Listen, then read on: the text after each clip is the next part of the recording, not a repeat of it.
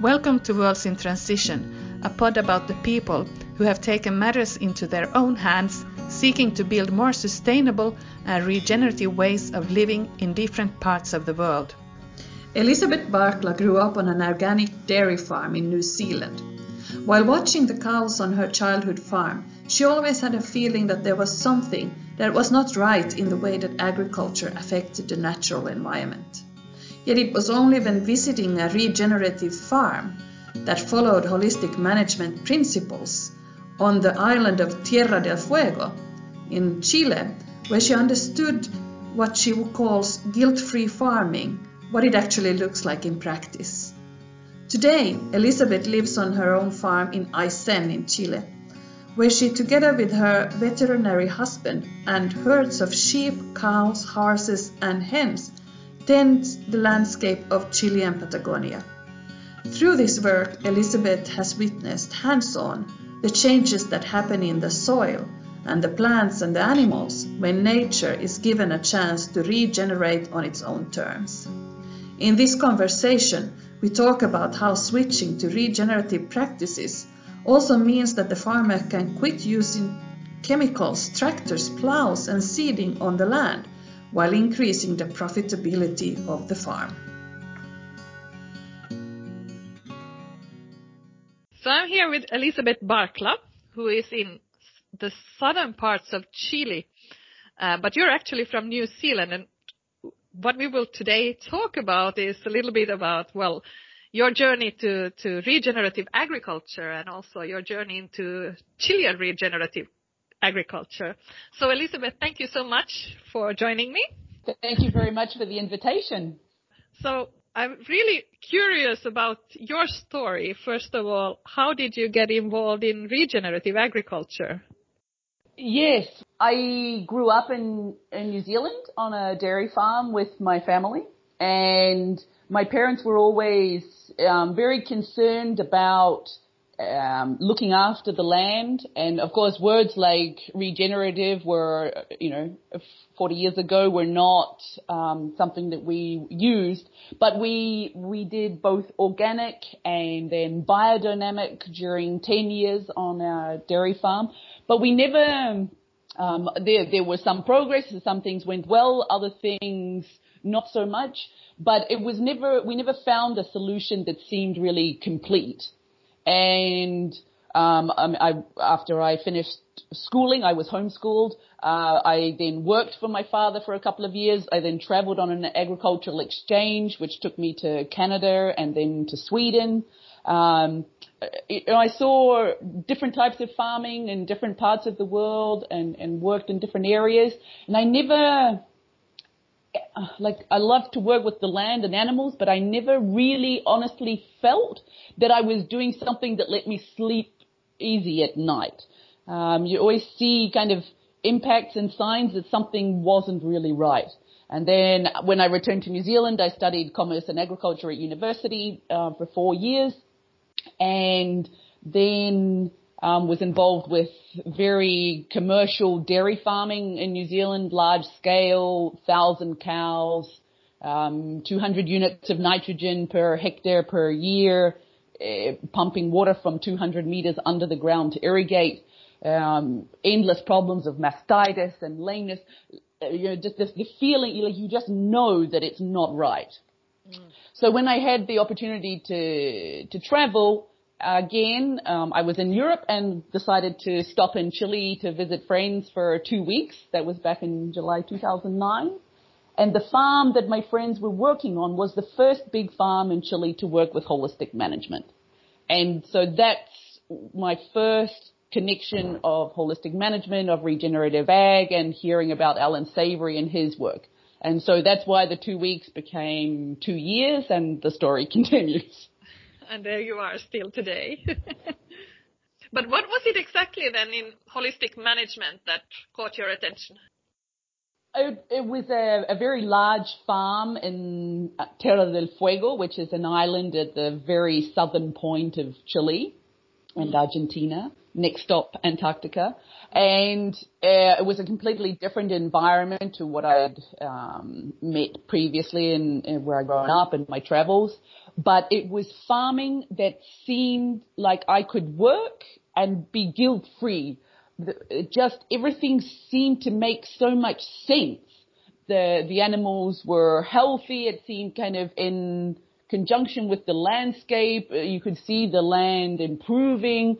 It just, uh, I, I don't know really well how to put it really into words, but it was like that, that deep sense in your soul that what you're involved in is, is okay.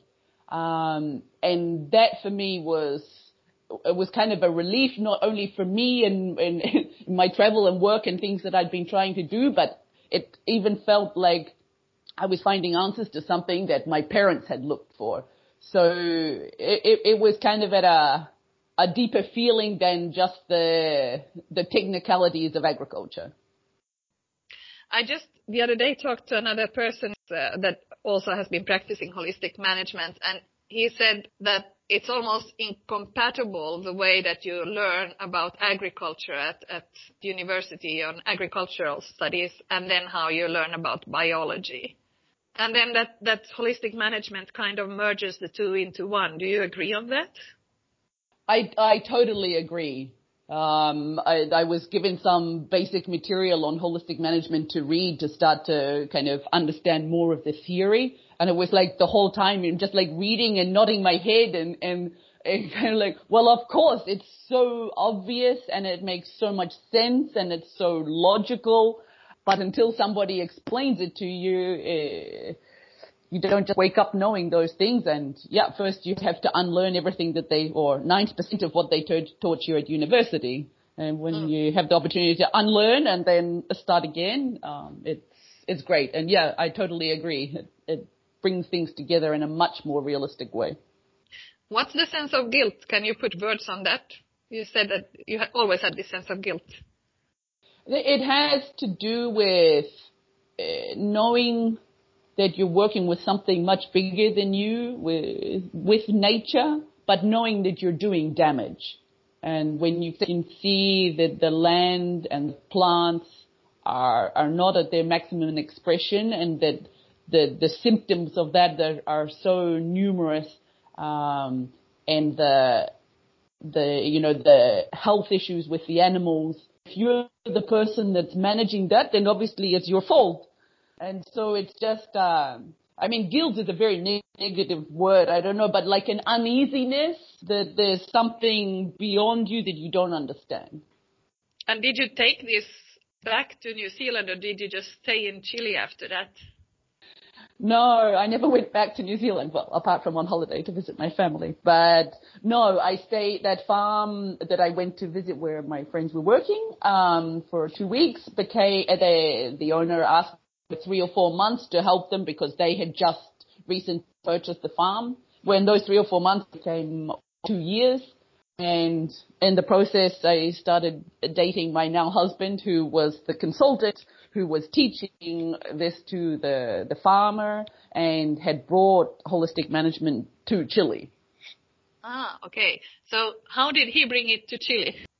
He discovered it, through numerous people. Um, Jim Howell from the United States had mentioned it to Jose, and, and then when he went to to Chile, uh, sorry, went from Chile to Australia looking at sheep genetics, um, he discovered that a lot of the places that had the best sheep were also doing holistic management. And so that piqued his interest and he started to read and do some courses and returned to Australia to see more examples of holistic management in action. And then when he came back to Chile, he decided to do um, an, an experiment um, on four farms, uh, four of his clients of his consultancy company, to do some trials in, in Magallanes in the southern part of Chile and to see how the results would look in those conditions and they were very, very successful, which is why the farm that I then ended up working on um, decided to to adopt kind of the full package of what Jose was doing through his um, his business Ovitec and to get started um, at large scale with holistic management and the MPM sheep. Mm. When was this? When when was it that he, he started to consult, do the consultancies in Chile?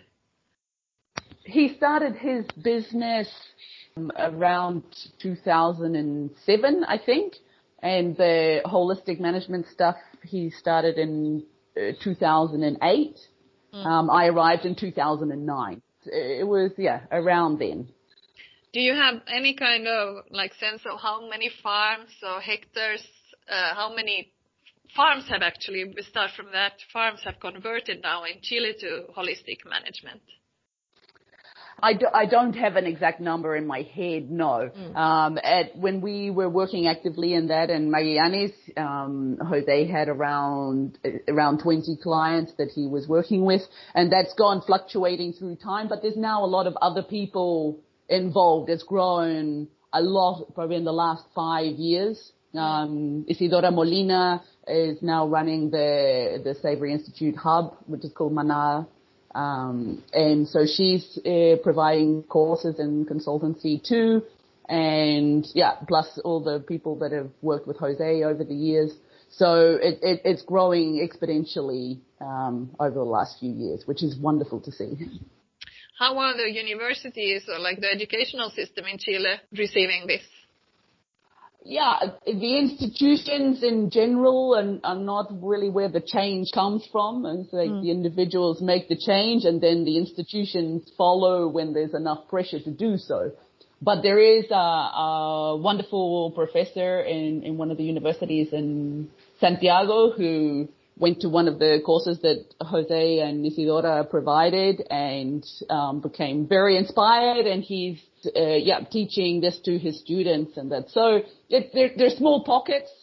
Uh, there's a, another a young professor who did his PhD in New Zealand and he was working here in the University of Aysén and is also has now uh, moved to uh, university in Valdivia, Universidad Austral Mm-hmm. Um, he's not directly involved in holistic management, but is is very aligned with the concepts and, and has done investigations here on our farm um, around the insects and, and the the biodiversity that he found here and not on other farms.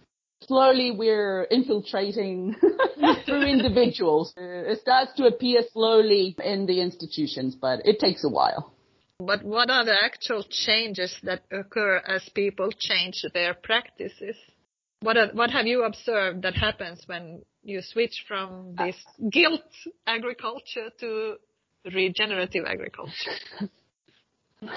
There's just such a multitude because really the the change happens first has to it happen we say between the ears because the change in the people is what is most important, but also the most difficult because we we're raised and educated with so many paradigms and and uh, so many things that we are sure of that aren't necessarily true, and so it takes uh, usually quite a long time. Um, but once that change happens, and then I feel that the changes in, in the soil, the plants, the animals being managed, the biodiversity, those things happen super fast. Within a, a period of months in the first year, you can see, I mean, it depends a little bit on the climate, I've had the the fortunate opportunity to work with holistic management both in the far south of Patagonia and now where we are, which is in the northern part of Chilean Patagonia in, in what's known as green Patagonia.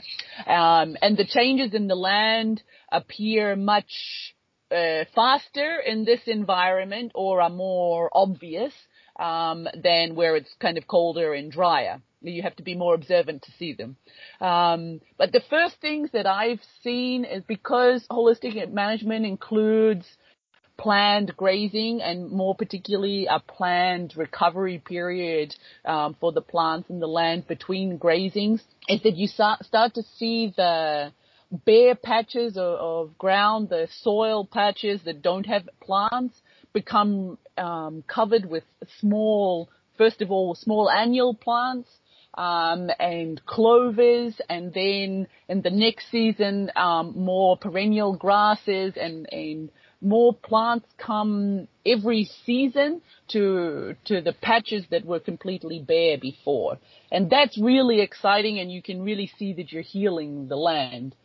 The more subtle changes around biodiversity is like every year you see birds that you haven't seen before, you see insects that you haven't seen before, you see plants appear that you haven't observed previously. Um, so it, it, every year you see the changes, but the first things that I notice is, is the covering um, of soil. And those are native to, to Chile then that, that are appearing, like all of these plants and animals, insects? Not all of them, but most of them. Um, a lot of the pasture plants are what they call kind of naturalized. So a lot of the grasses aren't necessarily native, but they've been here now for so long that they're part of the part of the things that start to reappear, and and that's positive.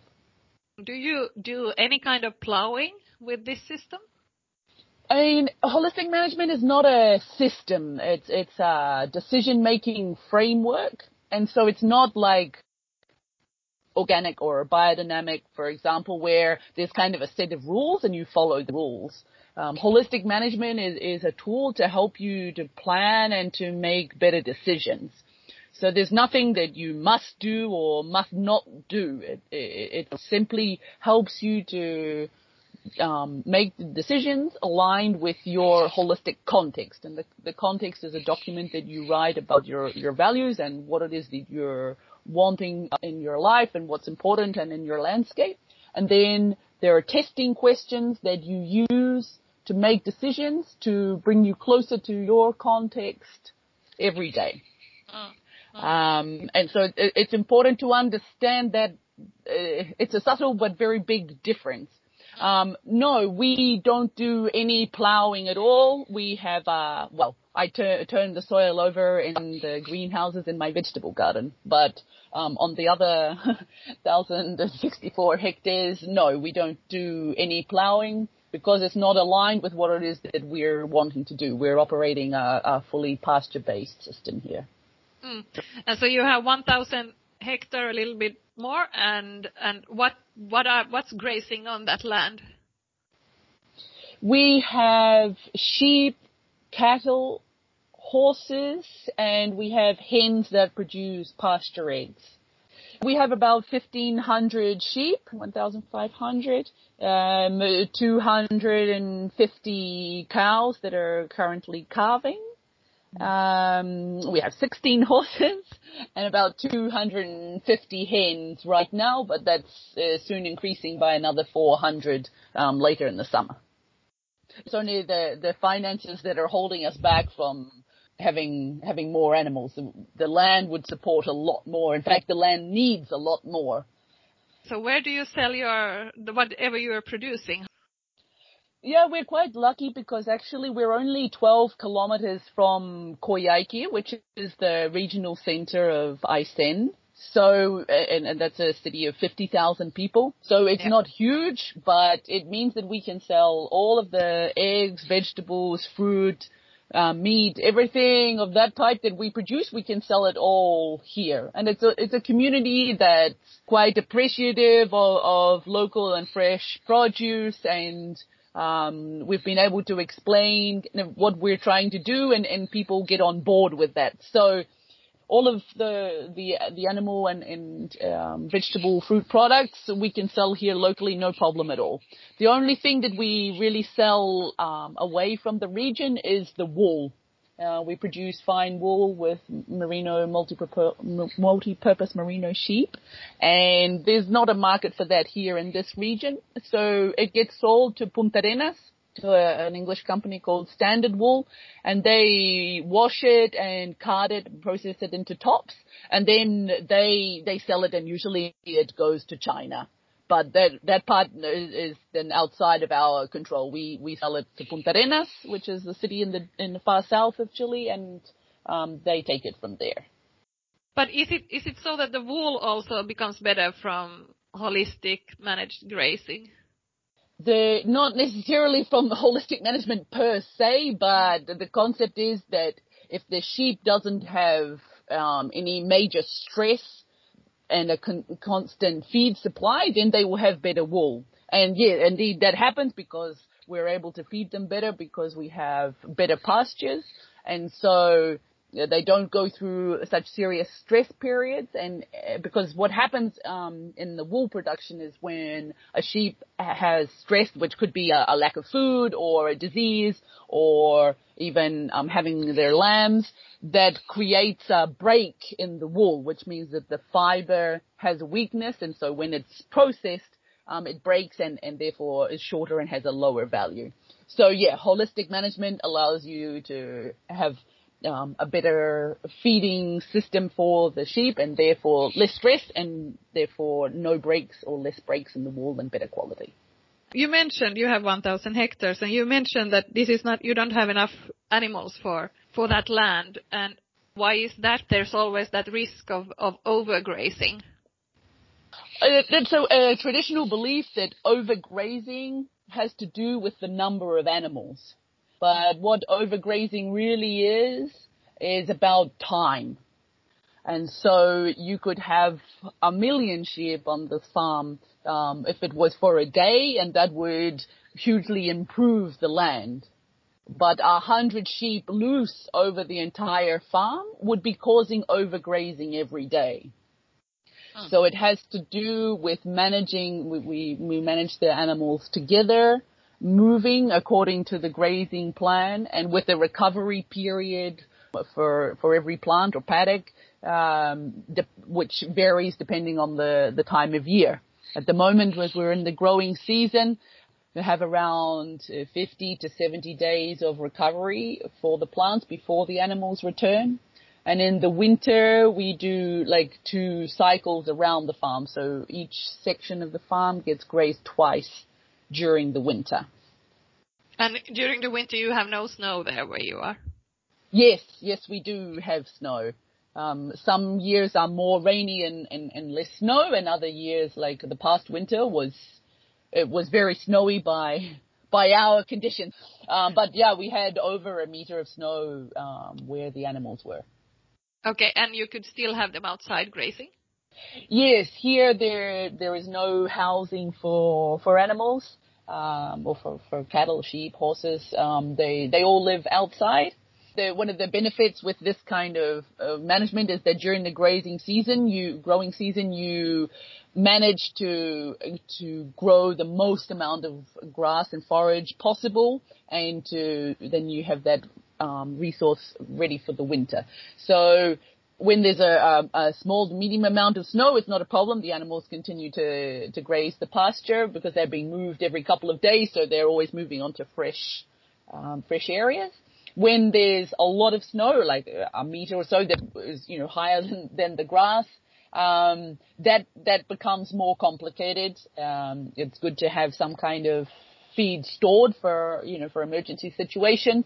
But here on, on our farm, half of the farm, 500 hectares, is forest. Um, that's in conservation, and we use the other 500 hectares with the animals. But it's there's a kind of a mixture of pasture land and trees and shrubs and whatnot.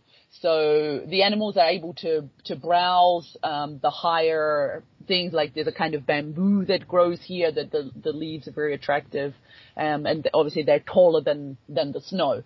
So it, it, it works, but you, you have to be careful. You can run into trouble if they're if they're in a higher part of the farm with a lot of snow uh, where you can't get to with other feed resources. Do you store any any hay or like this for the winter? No, we don't make any hay on the farm. Um, but we try to to buy some sacks of grain, um, or or I mean, we could make hay but the logistics on the uh, on this farm mean that having um, sacks of grain are are a more like high calorie efficient way that you can logistically get that energy to the animals in, in difficult climate situations. Mm. So, so yeah, we, we buy some grain to have for emergencies if we use it in the winter for, for the, mostly it's the sheep because they struggle most in the, to move physically in the snow. Um, and then that grain, if we don't use it, um, in the winter, if it's a if it's a easier winter, then that grain can be used for the laying hens. Yes, the cows can then also graze all through the winter and and in the forest. Yes, indeed. They obviously because they have longer legs, it's much easier for them to to move And it actually works very well having the cattle and the sheep together because both the cattle and the horses, the, the taller animals, are able to move through the snow and they open up tracks, which then make it easier for the sheep. So running the animals together um, is, is better that in that way. And the cattle being taller also means that they're able to browse more on the, the shrubs and the bamboos that grow here. Is that a native Chilean forest that you have, or is it a plant? Yeah. No, no, it, it's native certainly, I mean, silvopastoreo, like you, you know, using the the forest but planted with a little more space in between so that there's more undergrowth and, and grass um, uh, growing underneath and, in conjunction with grazing animals is something that's used around the world and usually, or many times that's a commercial forest. So, but it does require a different spacing and, and planning than, uh, something that's grown exclusively for timber. I'm thinking, how are other farmers around you in your neighborhood looking at what you are doing? Because you are a first mover in that region, aren't you? yes, we're the crazy, the crazy ones that do everything different. and how is it received? um, I mean, we we really we made quite a uh, a big change mentally when we moved from further south in, in Punta Arenas to here. We came with the mindset that we wanted to manage land and, and regenerate because it was what was important to us and we wanted to raise our family in this way. Um, in Punta Arenas, we had tried more to kind of talk more about it and to do more workshops and conferences and to kind of convince people that it was a good option. And yes. here we decided, uh, we had a change in philosophy really, that it was like, let's do it and have the, the gate open that whoever wants to come and see is very welcome and we will show them and share and answer their questions. But we haven't really made, when we say a song and dance about it in this region we want to have results to be able to show people, and we believe that that's a stronger influence than than just talking. So we we have received dozens, hundreds. I don't think we're at thousands yet, but definitely hundreds of people to the farm that have wanted to come and see. And there's people from all around the world, probably more than locals. But there are now farmers here who are doing holistic management nearby. Um, we have very good friends, uh, a couple that he um, teaches farming in the local university, and she works in the the local research center, and they are both very very on board and have studied the courses. So yeah, people that are open-minded and, and want to try something different are doing it, but the the neighbors don't don't change. but I think that's only a problem if you make it a problem. If you're happy doing it because it's what you believe is right, then it's not a problem. But one thing, I mean, we have we have very good neighbors who who help out when we need things, but it doesn't mean that they want to farm in the same way as us. You said that the the first thing the first change that happens is in between the ears. So could you just explain what is it that happens in between the ears when change happens?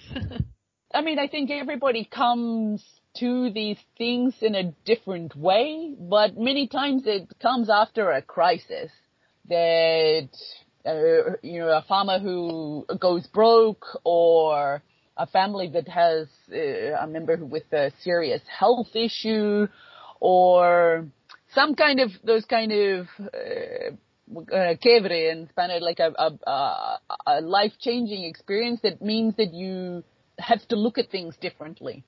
And then you become a little more open to, to discovering new things. And, and when that happens, you start to realize that what you were always told or taught at school or at university or that the neighbors said or that your parents told you, um, that maybe there's more than one way to look at things. And, and when, when that openness appears, then it's very easy to, to move past the, the paradigms and to uh, start to understand nature in a, in a different way and to be more connected. So yeah, the process is different for each person, I think, but some kind of crisis usually inspires change. And is it, but is it then at that moment, is it then like taking the handbook of holistic management into your hands and starting reading, or is it more about becoming connected and starting to listen to land? How, how actually do people go about then? Like the shift from one paradigm towards this? Mm. I think most people um, either visit somebody who's doing uh, some kind of regenerative agriculture, or they go to a course. Because now through the Savory Institute and the hubs, um, there, there's a lot of opportunity to do both courses online and in person, and uh, though those in, create big change because they're they're intense and they teach you about the grazing part about the holistic context, about the finances and how to plan them in a in a different way to how we're traditionally taught, and and also the the land planning about uh, paddocks and water and all of those things. So yeah, I think the the courses are are where the big changes happen. And is it in in Chile in particular? Is it mostly traditional farmers that go into holistic management or uh, and and holistic planned grazing? Or is are there also like new non-agricultural related people that are getting into farming now, as in other parts of the world? Mm. I, I think, well, from what I've seen, it's both. Um, traditional farmers who have either had a problem or, or have that kind of uneasiness that I mentioned earlier that something could be done better. Um, I know a number of them who, who have changed from traditional management to holistic management, and others are young people um, either starting in farming or or who are students and start to follow this path, and then they may either farm themselves or or start to learn more about it and become educators to help other farmers. But, so yeah, a, a mixture of all of the above. And, and you also said that people run into economic crisis and then they change to this. So how does it change profitability at the farm? One of the main um, differences is that the the costs reduce significantly because if you uh, if you're a traditional farmer um, using a lot of uh, fertilizer and chemicals and and tractors and plowing and seeding, when you realize that you don't need to do any of that. All of those big bills immediately disappear. And so the, the income may also drop, but the margin increases hugely between uh, the costs that are produced and, and your income. In traditional farming, you have these huge bills and really the only people who are making money out of that are the, the seed companies, the fertilizer companies, the tractor companies. Um, all of the money is going to them and the poor farmer is left with almost nothing. Whereas this way, the, there's no big bills and a much bigger percentage of the, the income is for profit and not just for paying bills. Mm. But do you need more people working at the farm with this system? No, no, less. yeah. I mean, of course, every reality is different, but in the, the farms that my husband, um, uh, helps with their holistic planning and grazing, um, they've all been able to reduce staff because if you're not doing, uh, you don't need a tractor driver and you don't need people to be checking animals in 10 different paddocks because you're managing the animals together and yeah, you have to move them regularly, but that's a person that a job that one person and one dog can do. So, I mean, here, uh, Jose and I work the farm together. Sometimes we have some extra help with some things, but um, if this was a traditional farm, there would be, I mean, probably four permanent staff members. Yes, that's quite a lot.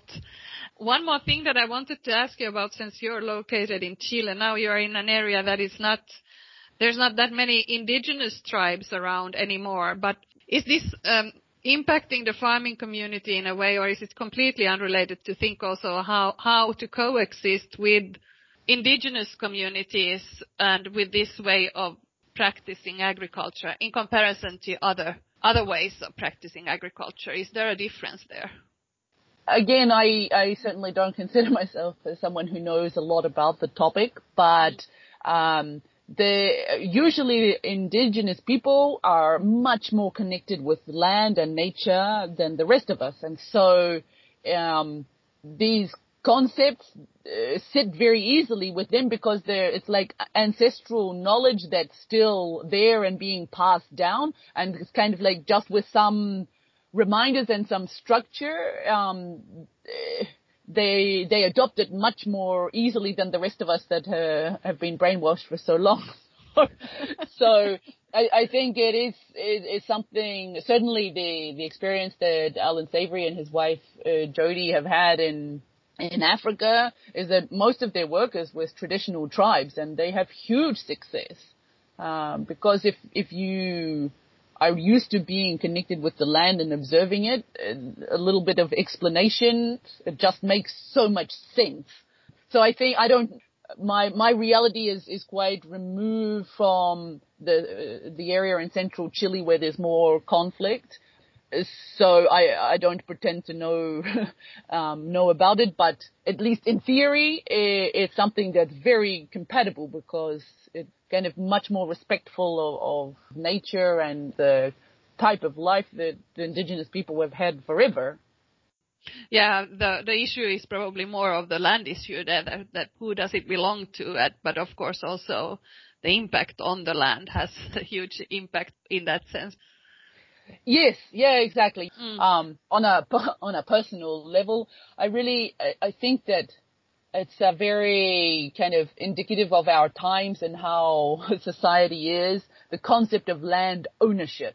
If we look at it more as a stewardship and that I have the, the honor and the responsibility of taking care of this land while I'm here and, and to leave it to the next generation in, in better conditions than it was when I received it, um, it's a much more humble and, and respectful and connected kind of way of looking at things. I mean, obviously we have to have ownership in the sense that we're able to make decisions over the land.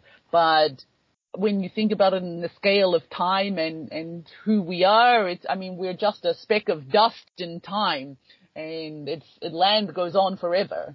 And so I mm-hmm. think sometimes we get a little too caught up in the ownership and if we thought more about stewardship that um, we could make better decisions that's precisely it, but it's also this modern institutional framework that uh, limits us from doing that because mm. we have to have we have to have land uh, ownership in order to exist within the institutions that are that, that are that are framing societies at the moment. So that is one part of the problem, but it's not something maybe that a farmer is able to overthrow or to even engage with on that level if there are people in the world like Jose and myself that really what inspire us to get up in the morning is to um, regenerate land.